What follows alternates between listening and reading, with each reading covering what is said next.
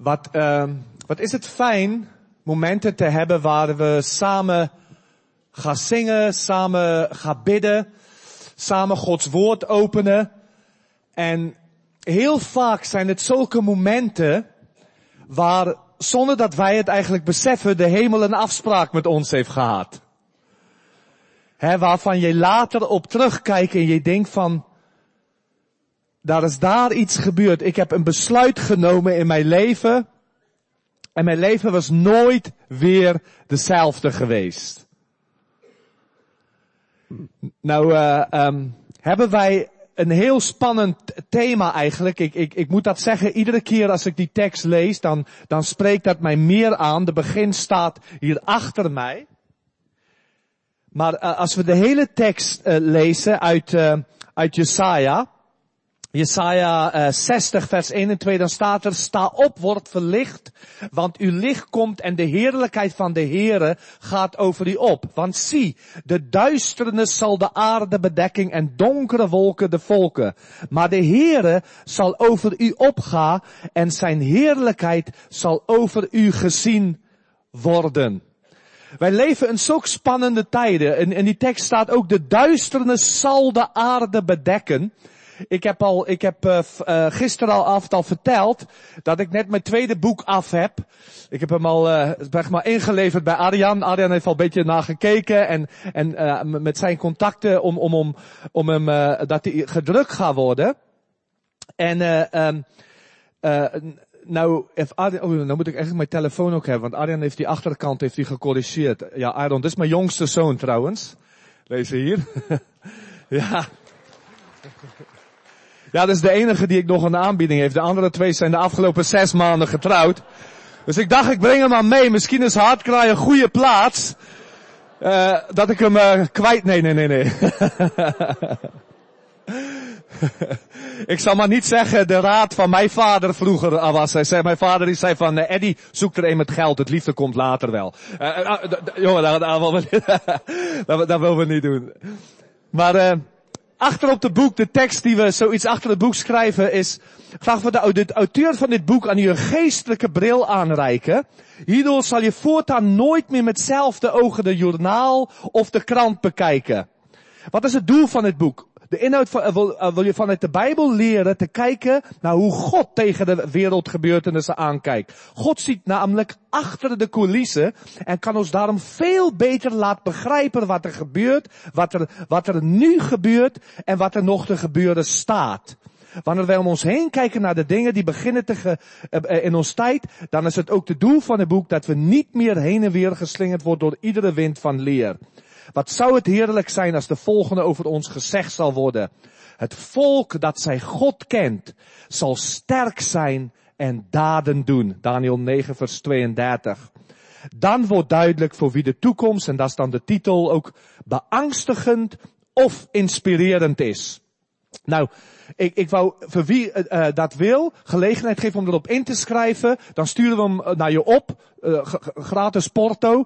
Maar Achter kan je dat, uh, zo'n blaadje afhalen. Daar staat ook een beetje over de inhoud.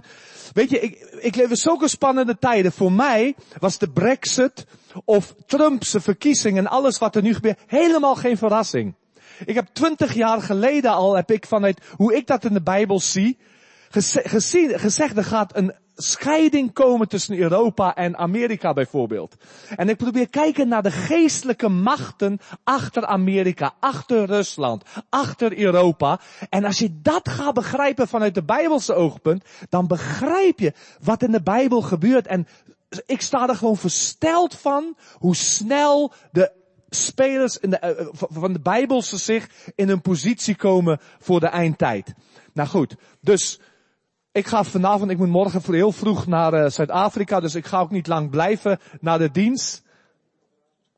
Mijn moeder wordt woensdag begraven. Ja, woensdag uh, gaan we erheen. Ja. Oké.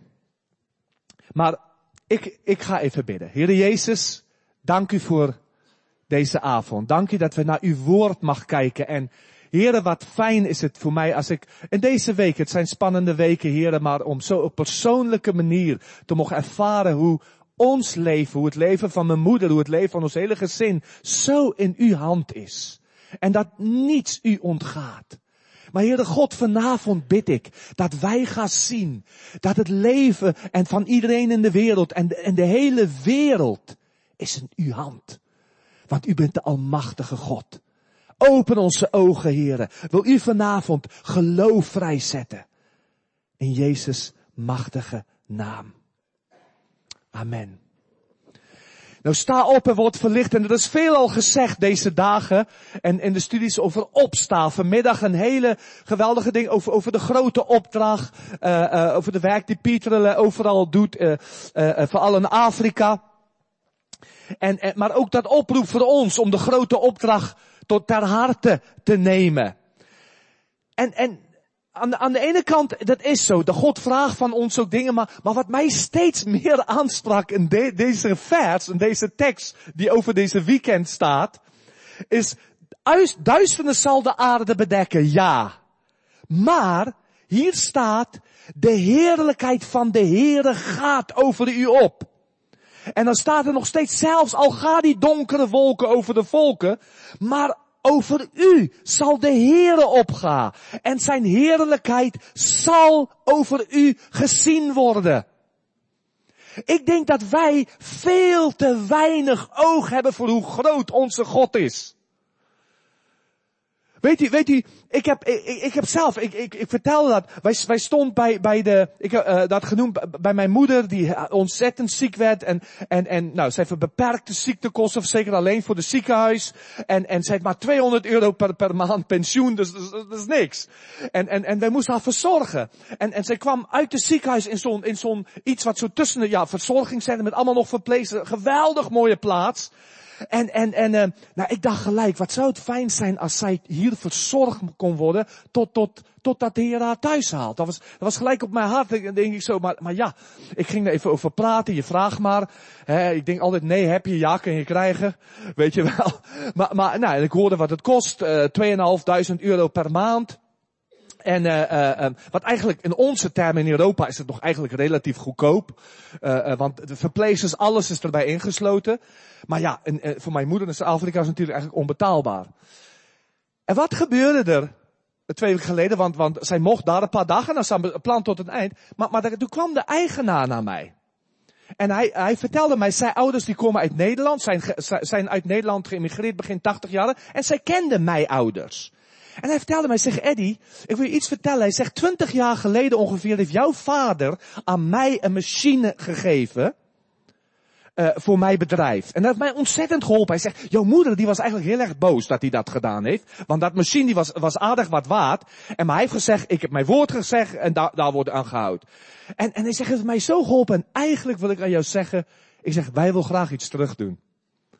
En, en wij willen je aanbieden wij willen aanbieden dat jouw moeder hier mag blijven en dat de maximale kosten per maand, dat het niet boven de 800 euro zal uitgaan. Dat willen wij jullie aanbieden. Nou, dat was de laatste week, anderhalf week van. Dus, nou, ik stond ervan te kijken dat iets twintig jaar geleden gebeurd is, want mijn moeder er boos over had. Maar wat God wist. Wat God wist. Wij dienen zo een geweldig grote God. Wij dienen zo'n grote God. God die betrokken is. God die al reeds heeft dingen voorbereid voor jouw leven. Die nog gaan komen die jij nog geen weet van heeft. God gaat een geweldig grote werk op deze aarde doen, lieve mensen. De vraag is niet of. De vraag is wel of ik daar ga deel aan hebben. Dat is wel de vraag. Maar God gaat het doen. De wereld kende God niet. En we hebben te maken met een God die zichzelf wil bekendmaken. Om te niet, niet om te oordelen, maar om te redden. De eerste keer, weet je, het volk uh, uh, Abraham leerde, wandelde met God en zijn gezin en hij leerde zijn kinderen en uh, hun kinderen. En daarna ontstond ja, de hele stammen, dan ontstond die twaalf stammen. En dan ontstond dus een volk, het volk Israël. En dan waren ze in slavernij in, in, in, in Egypte. En, maar voor hun was hun geloof alleen het horen zeggen. En ineens kwam God en God riep Mozes. God had Mozes voorbereid om hen te bevrijden. En dan, dan, dan, dan zien we dat God stappen gaat, gaat zetten, waardoor hij voor het eerste keer aan publiek treedt. en op de wereldtoneel duidelijk maakt wie hij werkelijk is. Hij liet zien dat, dat zijn macht zoveel malen groter is als al de goden van de wereldmacht op dat moment. Dat was, Egypte was een wereldmacht. Ook door wat God heeft gedaan door Jozef. dat iedereen bij hun eten kwam halen. Dat was een wereldmacht. Maar hij liet zien dat al die goden van deze aarde, dat geen enkel stand houden. Voor zijn werk door, door, door Mozes en door die, die staf, en de autoriteit die hij aan Mozes gaf. Hij maakt een duidelijke scheiding, ook weer van licht en duister. Er was duisternis, een van die plagen over de hele Egypte. Maar in het land Gozen, bij het volk van God, was het licht. God maakt een onderscheid. God maakt een onderscheid ook hoe hij gaat delen met zijn kinderen in deze tijd die over de aarde komt. God gaat niet hetzelfde. Wij zijn niet bestemd tot het wraken uh, uh, en, en de dag des oordeels van God. Maar wij zijn bestemd tot het verkrijgen van zaligheid door Christus Jezus. 1 Thessalonicense 5, vers 9. En, en, en weet je, de momenten dat God ingrijpt. En deze tekst van ons van de weekend, die belooft dat. Die zegt de heerlijkheid van de Heere zal over die opgaan. Maar de moment dat het opgrijpt, oh, is het alsof God opstaat. En, en het is niet zo dat God verder niet zit te doen, maar of, of de aarde bewust wordt van, van, van hier komt een heel doelgerichte actie van de hemelen. Er staat in Zacharia 2 en vers 13 staat er, wees stil voor het aangezicht van de Heere, alle vlees. Want hij is ontwaakt uit zijn heilige woning. Nou, gisteravond heeft, heeft David, uh, nu ook gesproken over, over de woonplaats van God. God die wil wonen in, in, de lofprijs van zijn kinderen. En de heilige omgeving waar, waar God woont. En, en, en het is of God gaat bewegen en of de hemel bewust, of de aarde bewust wordt, dat hier, hier wordt ingegrepen door een hogere macht. Weet je, en dat zie je ook als het volk Israël, als, als, als ze staan op dat moment wat ze dan het beloofde land gaan innemen, dan komt er een heel duidelijke aanwijzing al, al bij de begin, als ze door de Jordaan moeten. En dan staat er in Joshua 3, Joshua de derde hoofdstuk. Ik wil even wat water pakken.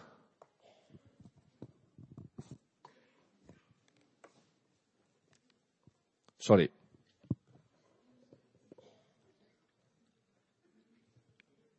Zo. Ik doe ongeveer een glasje per uur. We kan nog wat, we kan nog een tijdje. Maar dan staat er in Joshua 3. En de derde vers. En het, het volk werd geboden. Wanneer u de ark van het verbond van de Heere uw God ziet. En de Levitische priesters die hem dragen. Moet u vanaf uw plaats opbreken en hem volgen. Nou is het de, de ark van het verbond is het plaats waar Godse tegenwoordigheid is. Ja, is, is plaats, dat was, dat was wat in de allerheiligste geplaatst werd. Dat plaats waar de, waar de hoge priester maar één keer per jaar mocht komen. Waar Gods tegenwoordigheid zelf was. En zei, wanneer je dat ziet, moet je van je plaats opbreken en je moet hem volgen. Ik vind het een prachtige beeld als wij, als wij denken, gisteravond David over, over, over de woonplaats Gods. En als wij, als wij merken, als je merkt, God beweegt, als je merkt, God gaat iets doen, dan, dan, dan is het, moeten onze innere antennes, die moeten het oppikken. En zeg ik, ik wil de Heer volgen, ik wil, ik wil hem najagen, wat hij gaat doen. Maar dan staat er vers 4, er moet echter een afstand tussen u en de ark van ongeveer 2000 L zijn. Dat is ongeveer een kilometer. Ja, het ging natuurlijk om dat dit volk, dit miljoenen volk, die, die, die, dat zij ook op een afstand uh, zo staan. Er staat, u mag er niet dichterbij komen, opdat u de weg zult weten die u moet gaan, want u bent die weg niet eerder gegaan. Dus, dus voor mij spreken hier twee dingen uit. Als wij het hebben over Gods tegenwoordigheid, moeten we altijd weten, God is niet onze speelmaatje. God is niet, God is niet iemand, soms gaan christenen er zo een beetje losjes mee om. En, en, en als ik heb over eerbied, dan, dan heb ik niet vaak, verwarren wij eerbied met we zeggen, oh, oh, het is, je moet hier stil zijn. En alles moet in orde zijn. Niks mag bewegen. Ik ken een plaats die zo is. De begrafplaats. Die is zo. Daar, daar gaat het niet om. Een heilige respect naar God is iets anders. Een heilige respect is, is, zeggen, Heere God, ik, ik, ik, ik wil niet mijn eigen weg gaan. Ik wil niet mijn vlees inbrengen. Ik wil wat u wil. Maar dat kan er zelfs toe leiden dat, we hebben gezien die jonge dames, hoe ze dansten voor de Heere. David als koning danste voor de Heere. Met eerbied en ontzag. Hij zegt, Heer, ik, ik wil alles wat ik heb, wil ik aan u geven. Wil je aanbidden, ik wil u volgen. Gisteravond kwam dat naar voren, de aanbidding die God zoekt. Maar het is iets anders. En, God wil dat wij, dat wij dit, Hij is God. Hij is God, Hij is de Almachtige. En dan, maar hij zegt, er is nog een reden. Er is ook een reden, hij zegt, hij zegt, opdat je kan zien waar je moet gaan. Het moment dat je die houding aanneemt, Heere, wat wil u? Wat gaat u doen? Mijn hart is open, ik ben gereid, ik ben bereid om u te volgen, Heere. Maar u bent de Heere en ik ben maar een mens. Ja, maar ik wil u volgen. Dat rol. U bent de Heer, u bent de koning, maar ik wil volgen. Met ontzag en respect. Want u, heren, uw wegen zijn allemaal recht en heilig en goed.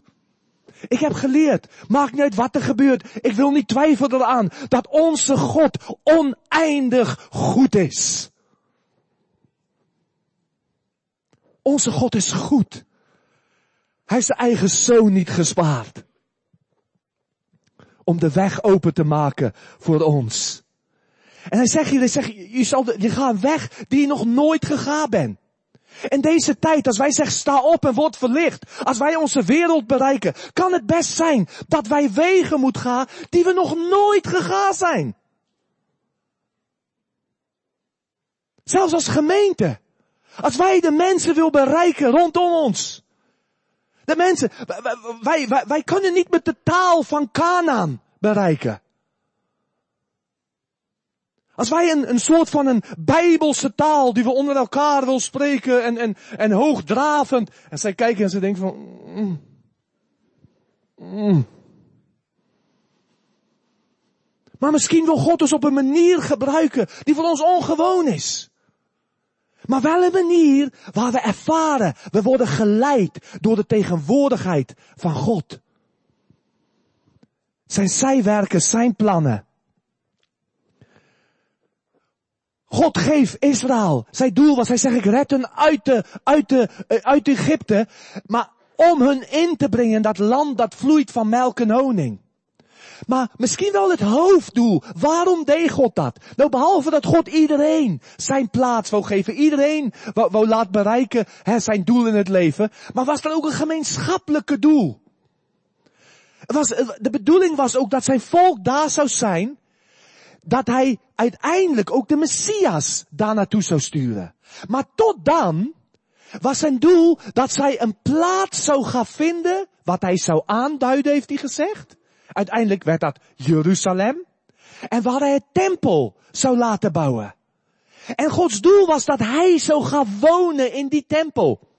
Dat er op de aarde ineens een plaats is waar mensen de levende God kunnen ontmoeten. Waar ze hem kunnen beleven, waar ze kunnen gaan aanbidden in Jeruzalem. En merken, God is hier. God is hier. En in het Nieuw Testament is dat natuurlijk iets van toen de, de, de voorrang gescheurd werd. Is het is iets dat God overal in zijn gemeente wil zijn. Dat is Gods plan. Dat overal een gemeente in iedere plaats een plaats zal zijn waar Hij zijn woning heeft gemaakt onder zijn kinderen. Opdat mensen er binnenkomen en dat ze aangeraakt worden. De Bijbel zegt dat de zondaren op hun knieën vallen en beleiden dat God inderdaad in uw midden is. Dat was het doel van God. Dat was het doel waarom God hun dat wou geven. En zelfs toen ze, toen ze weggevoerd zijn door, door de afgoderij en ze weer terug mocht komen, dan schrijft Esra, in Esra 9 en vers 9, staat er, want wij zijn wel slaven, maar in onze slavernij heeft God ons niet verlaten. Maar hij heeft ons goede tierenheid bewezen bij de koning van Perzië. Door ons enige opleving te geven om het huis van onze, om het huis van onze God te doen herrijzen. En om de ruïnes ervan te herstellen. Door onze omheining te geven of een bescherming in Juda en in Jeruzalem. Dus God heeft ons niet vergeven, vergeten. Maar hij heeft goede tierenheid. Hij heeft een weg gemaakt. Dat we weer op de ruïnes de tempel kan gaan bouwen. Maar ze wisten hoe belangrijk dat was. Het was zo belangrijk dat, dat de Messias kon komen. Maar ik, ik, vraag me af vanavond, broeder en zuster. Ik vraag me af of wij beseffen hoe belangrijk het is dat de gemeente van God opstaat.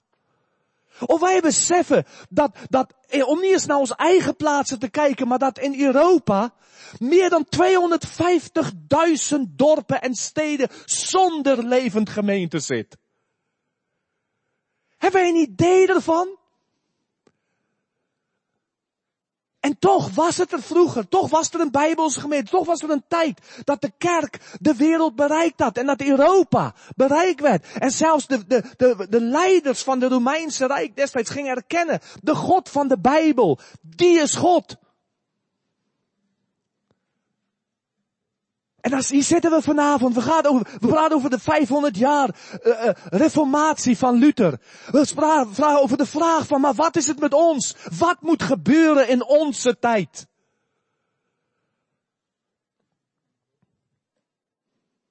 We willen zo graag teruggaan naar een bijbelse toestand. Een toestand waar mensen weer komen. Waar mensen komen zoeken. Waar, waar het begon met, een, met, met, met, met 12 man en toen 120 man. 120. Moet je dat voorstellen? En een paar jaar later, twintig jaar later, zeggen ze, oh, toen daar mensen naartoe kwamen, zeggen ze, oh, oh, hier zijn ook de mensen gekomen die de hele wereld op zijn kop zetten.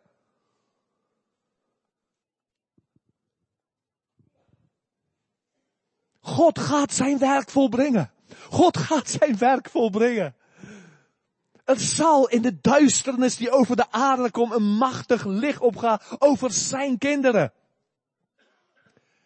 Maar ga ik de deel van zijn? Ga ik deel zijn van dat volk dat zijn God kent? Gaat God in, zal God in ons, in jou en mij, een generatie vinden? Die hem gaan geloven. Die gaan geloven dat hij inderdaad alle macht heeft in hemel en op aarde. Je ziet, het zijn dingen, het zijn dingen die God verhinderen kan in onze levens. Het zijn dingen. Wij, zagen dat bij Israël. Hè? Die, de verspieders die kwamen terug en tien van die twaalf die, die zeggen, man, dat zijn reuzen. Heb je wel een idee hoe moeilijk dat is? Nou, zijn, hè, in, in ons moderne tijd zullen misschien zeggen, ah, mensen hebben geen interesse meer. Mensen geloven gewoon hè, in mammon als je genoeg van dit hebt. Mensen, mensen geloven in, in andere uh, evolutie. Hoe gaan we dat ooit uit hun hoofd? Hoe zullen we kunnen, hoe zullen we ooit het gaan overtuigen? Hoe gaan we dat ooit doen? Het zijn dingen die het kan verhinderen. Ik wil naar, naar een paar gaan kijken. Uh, weer uit Joshua. Ik ga naar Joshua hoofdstuk 1. Het gebeurde na de dood van Mozes, de dienaar van de Heere, dat de Heere tegen Joshua, de zoon van Nun, de dienaar van Mozes, zei. Mijn dienaar Mozes is gestorven. Nu dan, sta op, steek deze Jordaan over, u en heel dit volk, naar het land dat ik aan hen, de Israëlieten, ga geven. Elke plaats die u voedsel betreedt, heb ik u gegeven, overeenkomstig wat ik tot Mozes gesproken heb. Tot zover. Nou, weet u wat ik geweldig interessant vind? Dat hier staat, het gebeurt na de dood van Mozes, dat de Heere tegen Joshua de dienaar van Mozes zei, mijn dienaar Mozes is gestorven. Zoals of Joshua dat niet doorraad. Uh, ja, heren. ik, ik, ik weet het. God wil dat hij iets heel goed gaat begrijpen. Er is een nieuwe tijd aangebroken.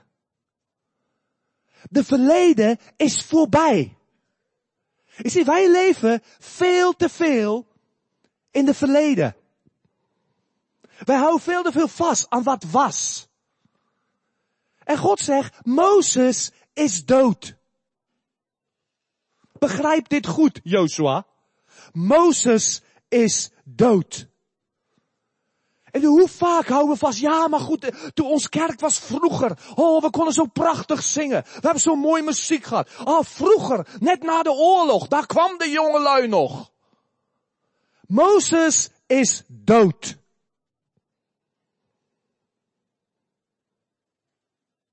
Ik heb dit verhaal al vaker verteld. We hebben soms, we hebben gewoonten, we hebben tradities.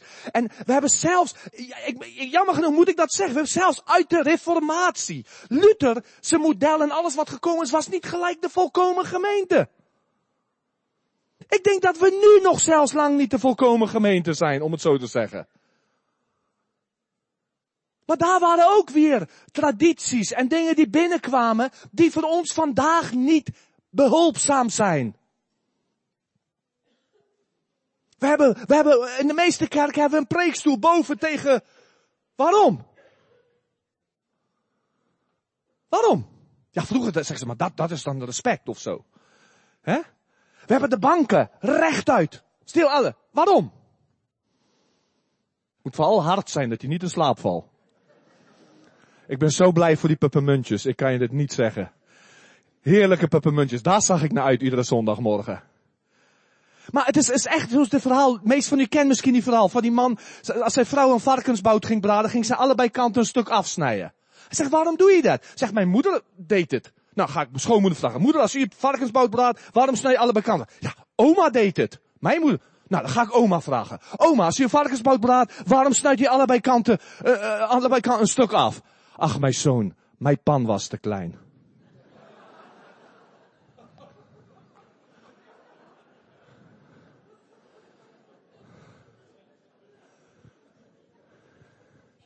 Is die broeders, is die, wij, dat zijn dingen die wij verheffen, die God niet verheft.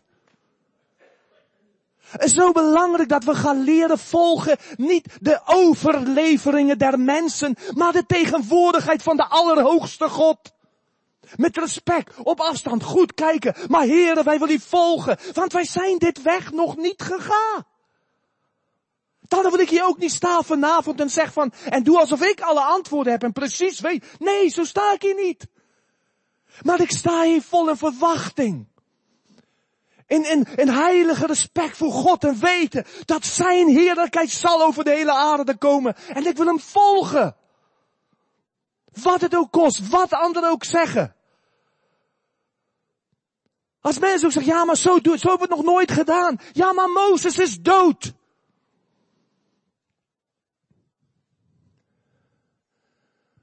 Wij moeten bereid zijn om dat zaad in de grond te laten sterven. Om te zeggen, heren, wij willen u wil, niet wat ik wil. Opdat wij vrucht mag dragen. Wij moeten overgaan van organisatie naar organisme. Want het gaat om het leven van de Allerhoogste God. Het leven dat Christus ons schenkt. Het goddelijke leven waar we deel aan hebben gekregen. En voor ons is zo vaak dat menselijke organisatie is van veel hoger belang. als er iets is wat Luther afbracht, dan was het wel menselijke organisaties. Wij moeten weggaan van vereniging naar familie. Ik heb dat al gezegd gisteren ook. Wij denken zo eh, dat de kerk is een vereniging van gelijke denkenden. Maar dat is het niet. Wij zullen nooit allemaal dezelfde denken. Je weet al wat zoveel Nederlanders zeggen. Eén Nederlander een theoloog, twee Nederlandse gemeenten, drie Nederlandse gemeentescheuring. Nou, dat wist je niet, dat zeggen ze in het buitenland, sorry. Dus. Wij moeten gaan van consumeren naar uitdelen. Nou niet meer. De kerk bestaat eigenlijk voor haar niet-leden. Niet voor onszelf. Als we dat doen, dan gaan we alleen maar rondjes rond de kerk rijden. Dan gaan we niet dat wedloop, gaan we niet dat prijs binnenhalen die God voor ons heeft. Wij moeten weggaan van vleeselijke naar geestelijke kracht. En sommige veranderingen zijn innerlijk, de meeste waarschijnlijk wel. Maar andere ook uiterlijk. Mozes is dood. Ben je vanavond bereid om te beseffen, uw verleden ook is dood. Ik zie, dit is niet altijd makkelijk om het verleden los te laten, want we hebben zo mooie dingen beleefd in het verleden. Ik bedoel, manna uit de hemel iedere dag. Wauw. Ja, dat heeft de meeste van jullie nog niet beleefd. Ik heb iets soortgelijks beleefd. Ik ben naar Zuid-Afrika letterlijk gekomen met een koffer in mijn hand. Geen sociale uitkering, geen vaste ondersteuning. En, en ons nood hebben we niet bekendgemaakt. Natuurlijk was ik bang. Ik weet nog dat ik aan de Heer zei, ik zal gaan, alsjeblieft, Heer, maar ik, ik, wil niet verhongeren. En de Heer sprak tot me en zegt, jij zal goed eten, jij zal lekker eten, Eddie. Ja, en hier sta ik, 15 kilo later.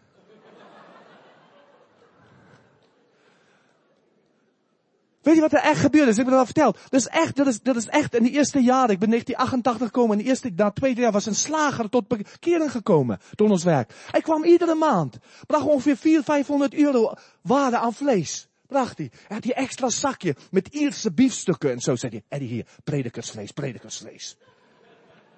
Dat was dus echt een vleeselijke vrucht op ons werk. Dus, dus wij hebben heel veel meegemaakt. Wij hebben, ik heb gezien door de jaren, wij hebben twaalf jaar lang een zendingsschool gehad, waar meer dan vijftig mensen bij ons kwamen wonen, met ons, ons op de boerderijtje die we hadden. Ze hoefden niets te betalen. We hebben God vertrouwd voor alles. We geweldig mooie dingen beleefd. En toen kwam de moment dat God zegt, maar wacht, ik wil mijn huis bouwen. Ik wil de gemeente bouwen. Dat is mijn doel. Dan kan iedereen komen kwam een andere tijd. En zie, met Mozes, er was geweldige dingen die gebeurden in de woestijn. Maar weet je wat de realiteit was? Alleen Mozes en Aaron een beetje had geloof. De rest van de volk, van de volk had helemaal geen geloof. En zie, wij houden er eigenlijk van. Als we maar een goede predikant hebben. Die goed het woord. Oh, wij zijn bij die dominee hoor. Daar zijn we, zijn we eigenlijk heel blij mee. Uh, dat is uh, ja geweldig dat we in deze kerk mag zijn. Want die dominee, poh, die van man van geloof. Prijs de Heer. Prijs de Heer. Maar Gods plan is dat iedereen van ons geloof heeft. Dat is Gods plan. En dat is wat hier gebeurt bij, de, bij, bij, bij het beloofde land. Je ziet, want de dag toen ze de beloofde land binnenging, hield het op met manna uit de hemelen. Hield het op met die kwartelen. Hield op. Want nu wou God dat in iedereen zijn huisjes, zijn boompjes, zijn beestje ontwikkelt. Maar iedereen gaat leren, hoe leef ik met de Heere God? Hoe groei ik in geloof? Hoe leer ik zijn stem begrijpen? Hoe ontdek ik wat voor plan hij voor mij heeft? Dan komen we naar een kerk die niet alleen waar de dominee alles moet doen. Of de voorganger, of de oudste, of de evangelist. Maar wij komen naar een kerk waar, waar, waar we spreken over de, de priesterschap van alle gelovigen. Waar iedere lid op zijn wijze zijn beroep uitoefent. In eenheid. En de hele lichaam zichzelf opbouwt.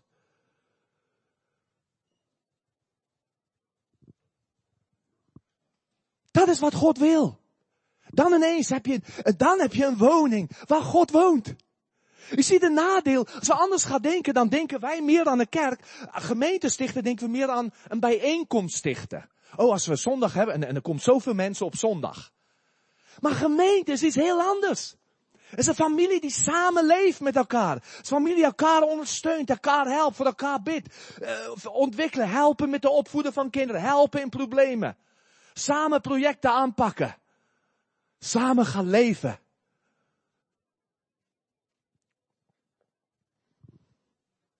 Mozes is dood. Ja, het was misschien een mooie tijd, maar het beste ligt nog voor ons. Dat land van melk en honing. Het is een geweldige land. Het is een geweldige land. God heeft dingen voorbereid voor u. broeder en zuster, vanavond voor jouw leven en voor mijn leven. Wat geen oog heeft gezien, wat geen oor heeft gehoord, wat in geen mensen gedacht is opgekomen. En wij bereid. Je ziet, en, en dit is een beetje, we zitten een beetje, soms vind ik, we zitten in die spagaat. Als Calvinisten. Want, want, want, want, want, ja, ik geloof ook alleen God kan het doen. He, aan de ene kant en dan, dan wil zeggen, oh Heer, ik ben niks en, en, en red mij. Maar als God dan zegt, oké, ik red jou, maar ik wil nou iets met jou gaan doen. En het blijft Hij. Het blijft leren. Hoe leef ik in afhankelijkheid van Hem? Hoe volg ik Zijn tegenwoordigheid? En, en, en eh, de Heer geeft gelijk aan Joshua een volgende sleutel. Hij zegt, iedere plaats waar je voet zal treden, betreden, zal ik jou of heb ik jou gegeven. God zegt, ik heb die hele land, heb ik Israël gegeven. Van God uit was het klaar. Dat is duidelijk. Vanmiddag, vanmiddag zei uh, uh, uh, Pieter, daagde ons ook uit om te denken, de wateren van de Heer zal de zee bedekken. Hè? Dat wij moeten denken, Heer, u wil iedere mens bereiken. Ik bedoel, vandaag, wij zitten en we geloven en we hopen, maar ook, er is weer één bijgekomen. We, natuurlijk zijn we dankbaar voor iedere ziel. Maar God wil zoveel meer mensen bereiken. Iedere ziel is kostbaar. Iedere ziel is kostbaar. En dan zeg hij, dan zeg hij, iedere plaats, dus iedere plaats waar je voet betreedt, heb ik je gegeven. Niet zoek de plaats uit. Er zijn mooie plaatsjes en daartussen zijn echt plaatsjes die ik je heb gegeven, maar je moet ze wel zoeken. Nee, iedere plaats. Maar wat moet jij doen? Jij moet een stap zetten. God wil dat wij hem actief volgen. Het is een duidelijke verschil van de geestelijke beleving van God met de Oosterse geloven. De Oosterse geloven alleen is alles, je maakt je hoofd leeg en je denkt aan niets. En je wordt passief. Du, du, du, Weet je, en, en als je hoofd leeg wordt, dan wordt het misschien met iets anders gevuld. De Bijbelse geloof is, vol bedenk wat mooi is, bedenk wat daarboven is. Mediteer op de woord van God. En wees actief. Zet een stap. Zet een stap.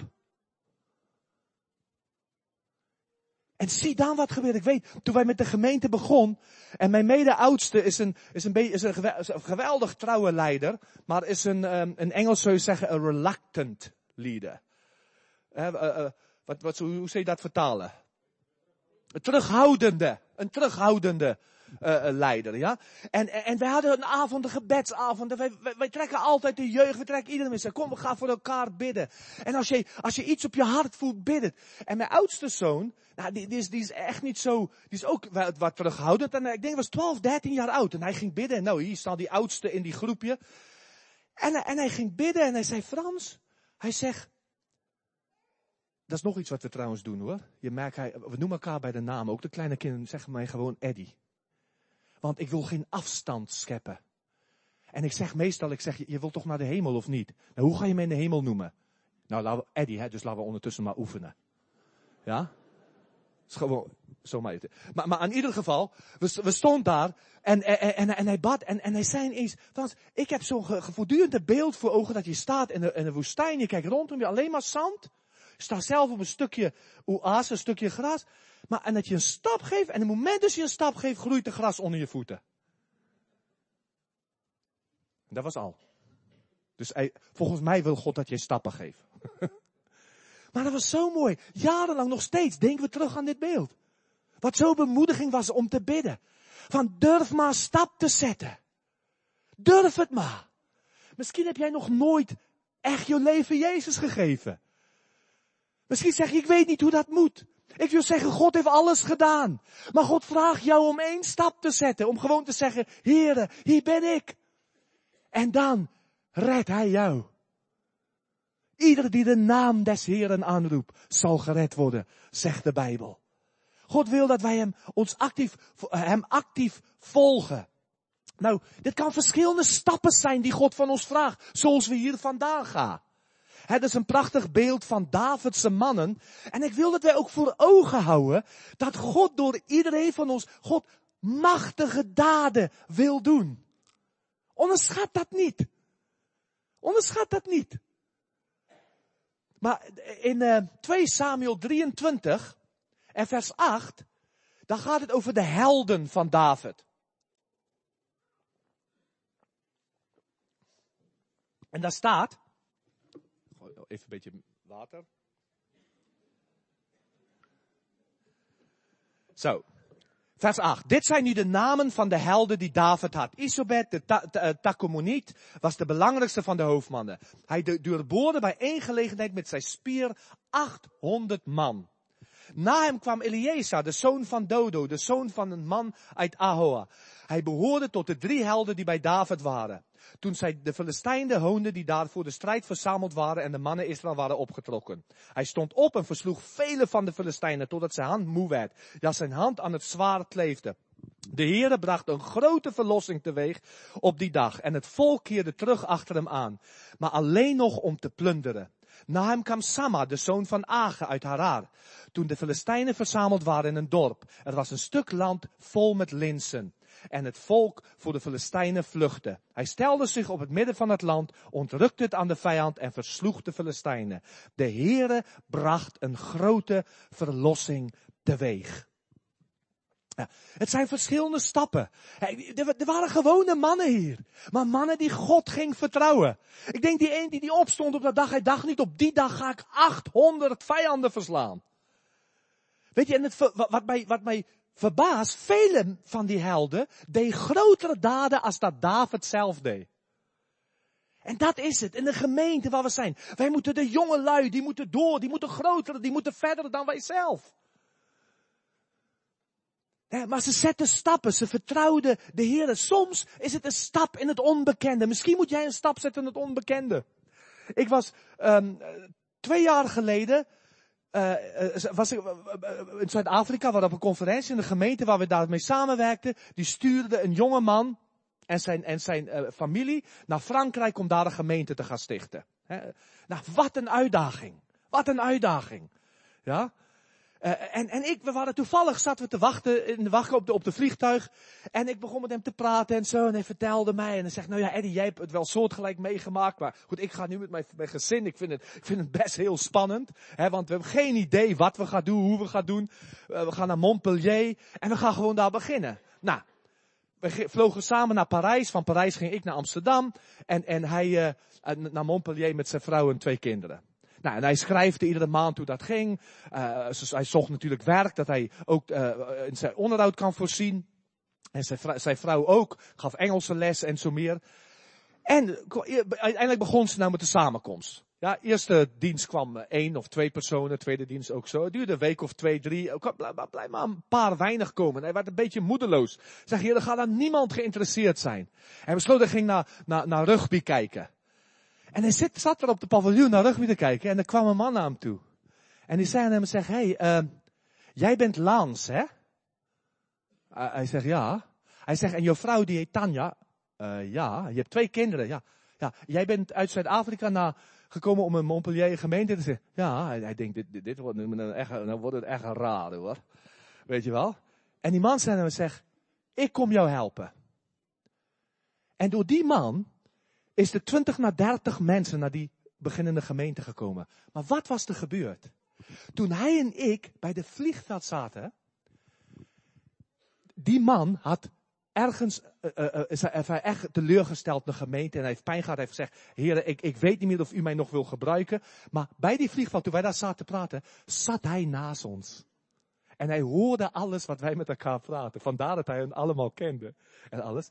En toen zei hij aan de heren, hij zegt, Heer, als ik deze man ergens in Frankrijk tegenkom, dan geloof ik dat u wil dat ik hem help. En toen gebeurde dit. Wat wil ik daarmee zeggen? Jij neemt die Lansens, neem één stap in het onbekende en God was al reeds aan het werk. Wat heeft God voor jou en mij al voorbereid? Wat heeft hij al gedaan? En wacht alleen dat wij die ene stap zetten. Dat wij alleen ons gaan, ons gaan uitstrekken. Weet je, soms is het een, kleine stap. Een kleine stap die wij moeten maken. En, en wij denken, ach, ik ga het niet eens doen. Ik weet dat ik toen ik, ik was hier een jaar of twee, werd opgebeld door een voorganger. En die hadden scheuring na scheuring na scheuring. Ik was de zondag daar, toen waren er nog 25 man over in de gemeente. En, en nadat ik er was de zondag waren er nog maar 12. Niet als gevolg van mij. Maar het was mijn eerste zondag, maar er, wa- was iets wat een of ander probleem. En in die week bellen me op. Eddie, alsjeblieft wil jullie bijbelstudie komen geven hier. We hadden zo'n, we doen zo'n cursus van eh 20 studies, zo'n eigen bijbelschoolcursus. En ik, ik denk, ja, ik heb niet zin in jouw problemen. Maar ik gaf de geestelijke antwoord. Ik zal erover bidden. En dat, dat, dat ging ik doen. En ik ging bidden en ik ervaar dat God tegen mij sprak. Veracht de dag van kleine dingen niet. Nou, dat kwam binnen in mijn hart en ik, dus ik bel hem op. Ik zeg, luister, wij gaan het doen. Wij zijn bereid om het te doen. En we begonnen de eerste avond waren er twaalf man, acht uit zijn gemeente, vier gewoon ergens als we. Aan het eind van de cursus waren 25, 26 man. Vroegen, alsjeblieft, Eddie, laten we het weer doen. Laten we het weer doen. We deden weer de eerste avond 56 man bij de cursus. Ja, aan het eind 80 man ongeveer. Maar uit die twee cursussen zijn 30 mensen tot geloof gekomen en hebben zich laten dopen. Vier gezinnen ging voltijds voor de Heer werken. Kleine stap. Onderschat de dag van kleine dingen niet. Somta, sommige dagen is het gewoon, is het, is het een ga ferm sta. En dat zie je hier bijvoorbeeld bij, bij een van die, die laatste held van David, de zoon Sama, de zoon van Aga uit Harar. Daar staat, toen de Filistijnen verzameld waren in het dorp, er was een stuk vol met linzen en het volk eh, voor de Filistijnen vluchtte. Hij stelde zich op in het midden van dat stuk land, ontrukte het aan de vijand en versloeg de Filistijnen en de Heere bracht een grote verlossing teweeg. Hij stond op een land vol met linzen. Wat is dat nou? Daar staat niet, dit was een geweldig belangrijke land, want hier zou een, de tempel of iets gebouwd worden. Er staat niet, oh hier gaan is mineraal in de grond, goud of hier gaan ze hier vinden, dit land moet, niets. Weet je, jij mag misschien denken dat er dingen zijn in jouw leven die onbelangrijk zijn. Uren, momenten, waar jij, waar je, waar je denkt van, ach, wie ziet dit nou? Maar God ziet het. Hij wist gewoon, als ik dit stukje land aan de, aan de vijand geef, dan wil ze, ze gaat daar niet bij op, dan wil ze de volgende ook hebben. En hij wou ferm staan. En weet je, het was niet zo, zat de volk was gevlucht. Dus het is niet voor de mensen. Het was niet om, eer en roem bij de mensen te krijgen. Nee, de tegendeel. Het lijkt zo, het lijkt zo onbelangrijk en alle anderen. Weet je, dat momenten waar ik alleen ben, als ik achter de computer zit. En zeg, Heer, ik wil niet hier dat de duivel mijn gewone tijd gaat vullen met onreine dingen. Ik wil de stap nemen om ferm te gaan staan. Soms is het een moment dat je moet wachten. Een stap om te wachten. Weet je, ik speel iedere maandagavond speel ik squash met een groep van ongelovige mannen. Echt zeker al acht jaar. En in die acht jaar heb ik misschien anderhalf keer kans gehad om te getuigen over de Heer. Maar ik wou de stap nemen om te wachten. Wil in die tijd heb keer kwam een, een van die vrouwen op een feest, een van hen werd 40 of zo, en nou, ik was uitgenodigd naar die feest, en een van die vrouwen kwam en zegt, oh je bent Eddie, ja ik hoor van de werk die je doet en zo. Zeg, zou je mij uh, misschien, als ik kom te sterven, wil begraven? Bespreken bij mij begrafenis. Ik zeg, nou ik zal liever met jou spreken terwijl je nog leeft. Ja, zo is het.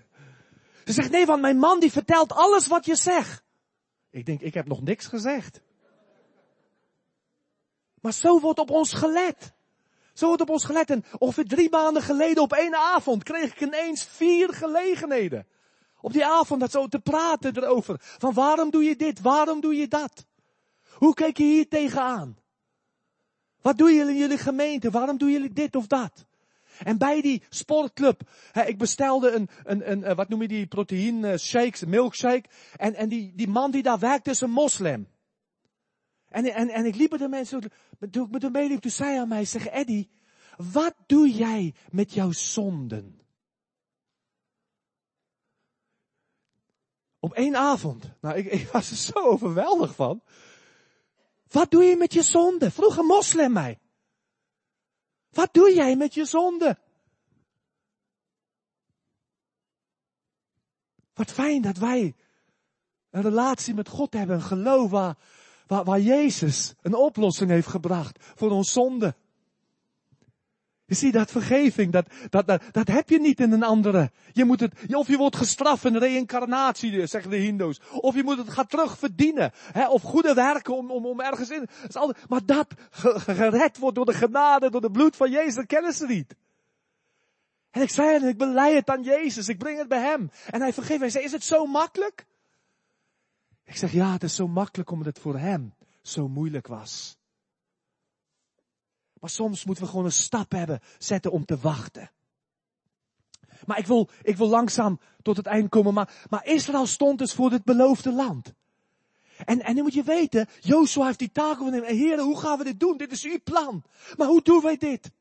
Gods plan voor deze wereld. God heeft een plan voor jou. God, God wil dan onze gemeentes dat wij mensen bereiken. Maar hoe doen wij dit? En het is best fout gegaan. Zo fout gegaan de vorige generatie dat ze 40 jaar in de woestijn hebben doorgebracht. Dus je kan best, je voelt hem aan dat bij Joshua ook heel veel onzekerheid is. Hoe doen wij dit? En dan staat er in hoofdstuk 2, vers 1. Daarna stuurde Joshua de zoon van Nun er van Sittim in het geheim twee mannen als verkenners op uit. En zei, ga op weg, bekijk het land en Jericho. Zij gingen en kwamen het huis van een vrouw en hoer van de wie de naam Rahab was en zij sliepen daar. We hebben natuurlijk gisteravond van, van Rahab's kant deze hele verhaal bekeken. Maar wat een uitdaging. je gaat een land, je kent niemand. En hoe ga je doen? Als God ons stuurt naar nieuwe gebieden in Europa. Hoe gaan we die mensen bereiken? Hoe doen wij dat? Hoe doe ik het in mijn straat? Hoe doen we het in onze dorp?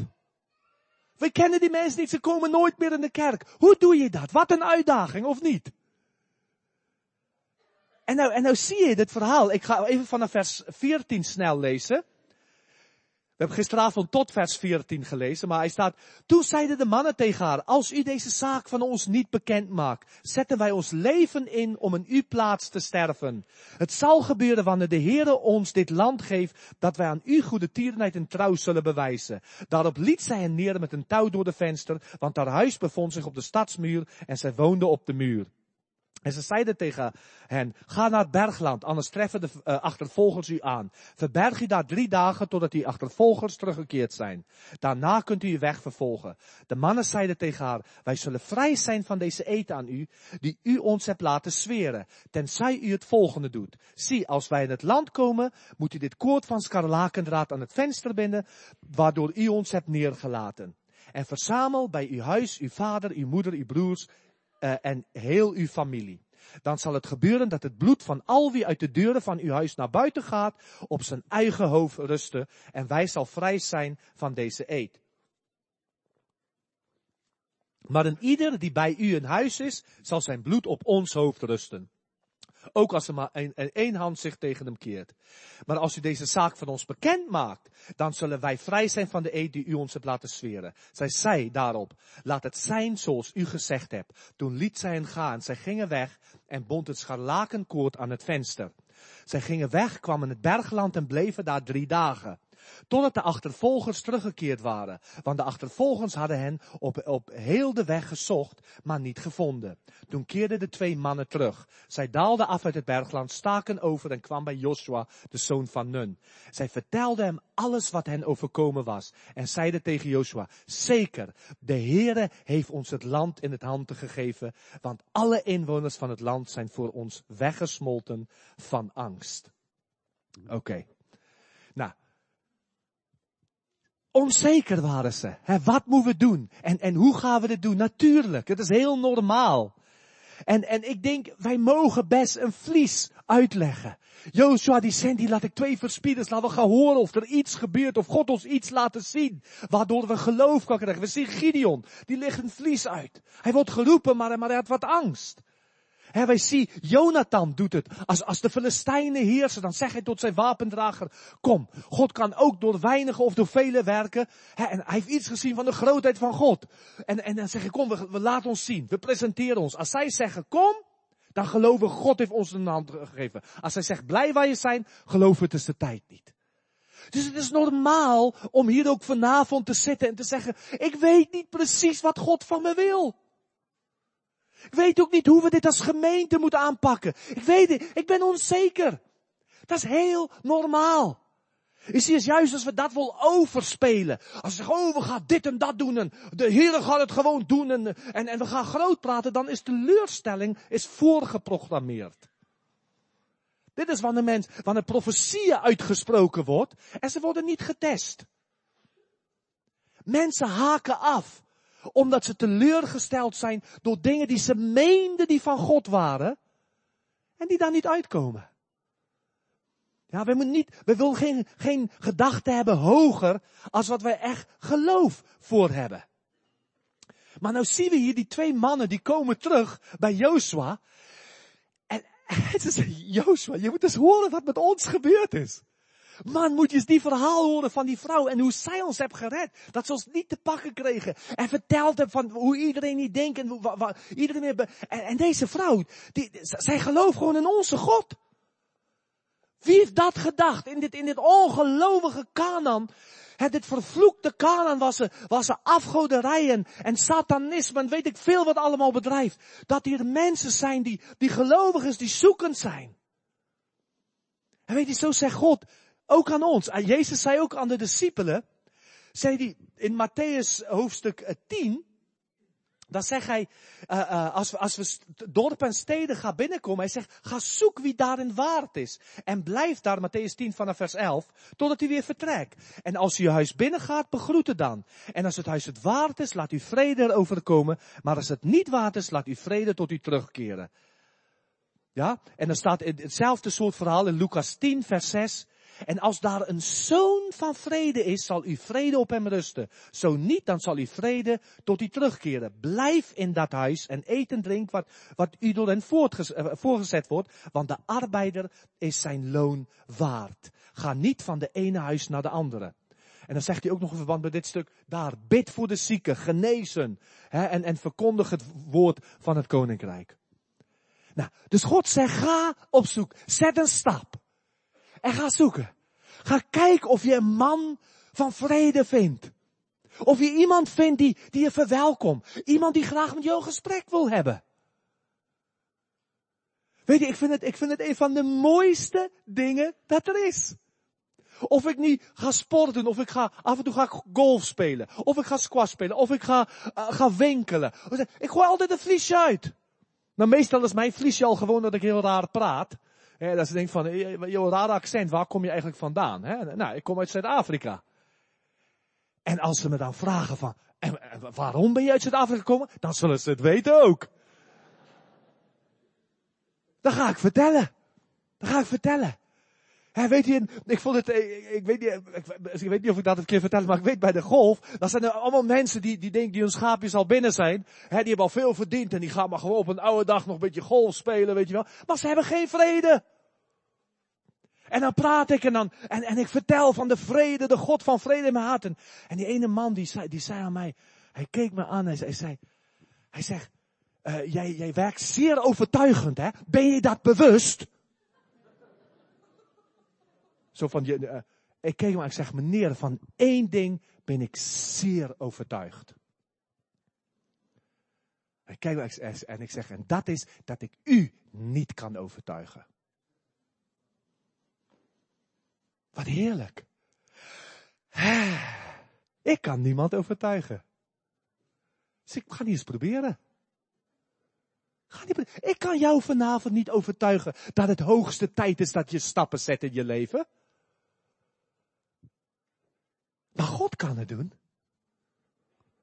En ik zei aan hem, ik zeg, als u niet uw hart gaat open, als u niet op dat klop in uw hart gaat antwoorden en zegt, maar ik wil ook die God van vrede leren kennen. Zeg, gaat het niet gebeuren. Dan gaat hij gewoon wat ik vertel, misschien een mooi en interessante verhaal vindt. Maar dan moet u zelf weten. Ik zoek naar de man van vrede. Ik zoek van de open deur, de hart die God al van tevoren bereid heeft. Iemand zei eens, mensen komen tot geloof ongeveer bij de vijfde of zesde keer dat ze het evangelie hebben ge- horen. Dus ik zeg, Heer, stuur mij allemaal die het al vier keer hebben gehoord. Stuur ze. Maar ik wil de Heer, ik wil gewoon gaan kijken, waar is dit plekken? Mensen, God is al lang bezig. God is al lang bezig, voordat jij en ik er nog aankom.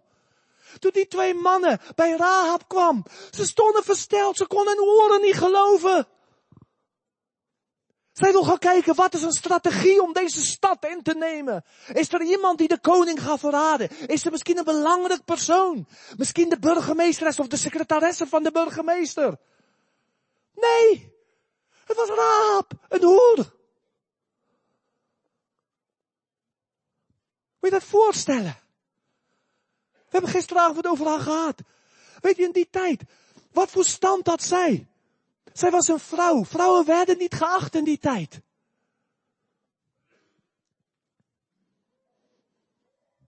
Zij was een hoer, zij was een lage klas van de, van de, van de, van de, van de maatschappij. Ze was geen bekend persoon. Maar juist haar, juist haar had God voorbereid om hun geloof te geven. En een moed en een, en onzekerheid van hoe gaan we dit doen? Juist haar. En door haar leven wil God laten zien, ik ben jullie al vooruit gegaan. Dus als jij opstaat, ja, mijn heerlijkheid zal komen. Ja, mijn licht zal door je heen schijnen. Maar jij moet een stap zetten. En weet je, ze hoeft de raap niet op haar blauwe ogen te geloven. Oh, nou, lijkt wel een mooi vrouw, klinkt wel goed. Nee, want ze zeiden haar, hé, hé, hé, wacht even. Als jouw daden zo gaan zijn als jouw woorden, dan zetten wij onze leven voor je in. Leg je leven neer voor elkaar. Dat, dat zeggen ze. Wij zeggen, wij zetten ons leven voor je in. Als aan jou of jouw familie geraakt werd, is jouw bloed op ons. Maar je woorden moet wel, bij, je daden moet wel bij je woorden passen. Vandaag vaak, mensen gaan zeggen, oh ik doe een gebedje voor Jezus. En nee, maar laat ook je leven dat zien. Want wat je leeft, is wat je waarlijk gelooft. Al de rest zijn alleen maar godsdienstige praatjes.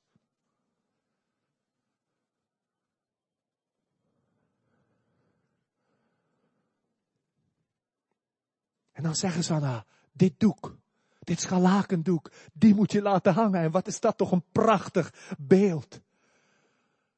Rode scharlakendoek. Een heenwijs naar het bloed van Jezus. Dat doek moet er hangen. Jesaja 1 vers 18. Kom nu, laten we samen een rechtszaak voeren, zegt de Heer. Al waar die zonde als scharlaken. Ze zullen wit worden als sneeuw. Al waren ze rood als karmozijn. Zullen wit worden als witte wol. Raap. Maakt niet uit hoe je leven was. Kon ze haar verkondigen. Wij hebben een God die verzoening heeft gemaakt voor de zonde. Eddie, zegt de moslim, wat doe jij met jouw zonde? Halleluja dat ik kan zeggen, ik heb een Heer die mijn zonde wegnam. De lam van God die de zonde der wereld droeg, maar ook jouwe vanavond. Wat een Heer en Heiland dienen we. Wat een boodschap hebben wij voor mensen die verloren zijn. Voor mensen die zoekend zijn. Weet je waar ik voor bid? Voor leiders, voor mensen die de ogen hebben zoals deze twee verkenners. Die bereid zijn om genade, om barmhartigheid toe te spreken aan iemand die uit hoererij komt. Die niet denken ze zijn beter. Die zegt man, die weten dat het splinter in jouw ogen is geen probleem voor God. Uit mijn ogen heeft hij een balk gehaald. Hoe gauw gaan we afkijken op mensen in problemen, families met in ellende. Wat voor mensen kunnen wij vinden als wij gaan stappen zetten in deze wereld? Weet je, we gaan zoekende mensen vinden. Maar het is niet alleen de nood rondom ons die ons moet drijven. Want de nood is er altijd. Maar veel eerder misschien de belofte van God. Dit evangelie zal verkondigd worden in de gehele wereld. En dan zal de einde gekomen zijn. Zij waren onzeker, Gods kinderen. Dat zijn wij zo vaak. En God gebruikt hier dit onbekende vrouw die niet een positie had, die zelfs een onreine verleden had. En weet je wat ik denk wat God ons daarmee wil zeggen? Dat God een iedereen kan en wil gebruiken. En weet je, wat deed zij? Zij was, ja, gastvriendelijk zeg je in het Duits. Hè? Zij was, wat, hoe zeg je het in het Nederlands? Gastvrij. Zij was gastvrij. Zij verwelkomde vreemdelingen in haar huis. Weet je, zij was een vrouw van haar woord. Zij had besloten, mijn woorden en mijn daden moeten overeenstemmen. En zij dacht niet alleen aan haarzelf. Gelijk, maar wat van mijn familie, wat van mijn vrienden, wat van mijn, mijn ouders. En de Bijbel zegt in Handelingen 31, 11 vers 31, ze zegt door het geloof, zij handelde in geloof, is Rahab de hoer niet omgekomen met de ongehoorzamen, omdat zij de verkenners met vrede ontvangen had. Zoek naar de huis van vrede. Zoek naar de man of de vrouw van vrede. Zoek naar de een waar God al reeds de voorbereidende werk gedaan heeft.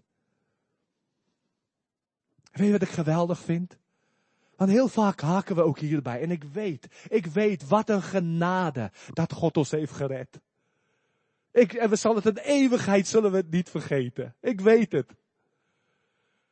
Maar weet hij, de lofzang van Rahab één dag in de hemel gaat niet alleen zijn. God heeft mij verlost van hoererij. God heeft mij verlost uit een, uit een afgoderij en een wereld die hem niet kende.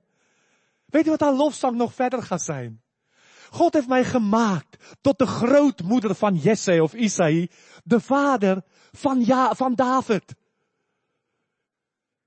En zo heeft God haar geplaatst in de geslachtsregister van Jezus. Dat is onze God. Een leven die kapot is. Een leven die onheilig, onrein. Die waarvan je zegt van, wie wil daar nog iets mee te maken hebben? Naar mij. En plaats het. Red, red het. Reinig het. Heilig het. En plaats het in het geslachtsregister van Jezus. Maak haar tot koningskind. Wat voor plan heeft deze God met jou? Wat voor plan heeft hij met, voor mij voorbereid? Menigte der menigte in de dal der beslissing, zegt de Bijbel. Zoveel mensen die niet weten wie de God van vrede is. Maar ze hebben besloten, ik wil die vrede vinden. Ga zij in ons verkenners vinden. Verspieders die zeggen, ik wil die stappen zetten, heren. Ook al ben ik bang, ook al ben ik onzeker. Ik wil die stap zetten, ik wil niet de dag van kleine dingen verachten. Heer, ik wil geen compromis sluiten, ik wil sterk staan. Ook al lijkt het onbelangrijk, ook al doe iedereen anders wat, wat anders. Maar u vraagt dit voor mij, ik wil trouw blijven. Trouw.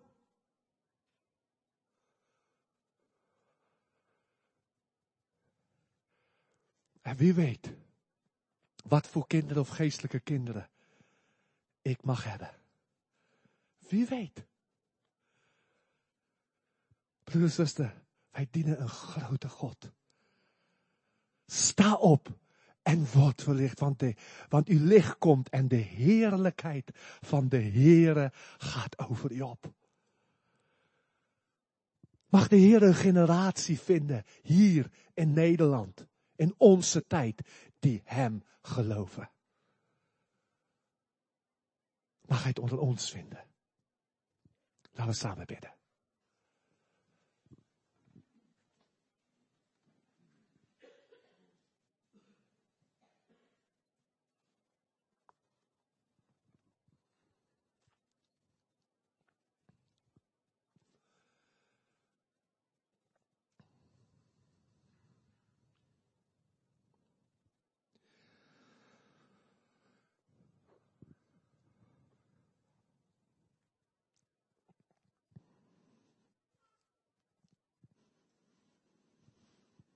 Er zijn verschillende manieren hoe we vanavond naar u kunnen reageren, Heer.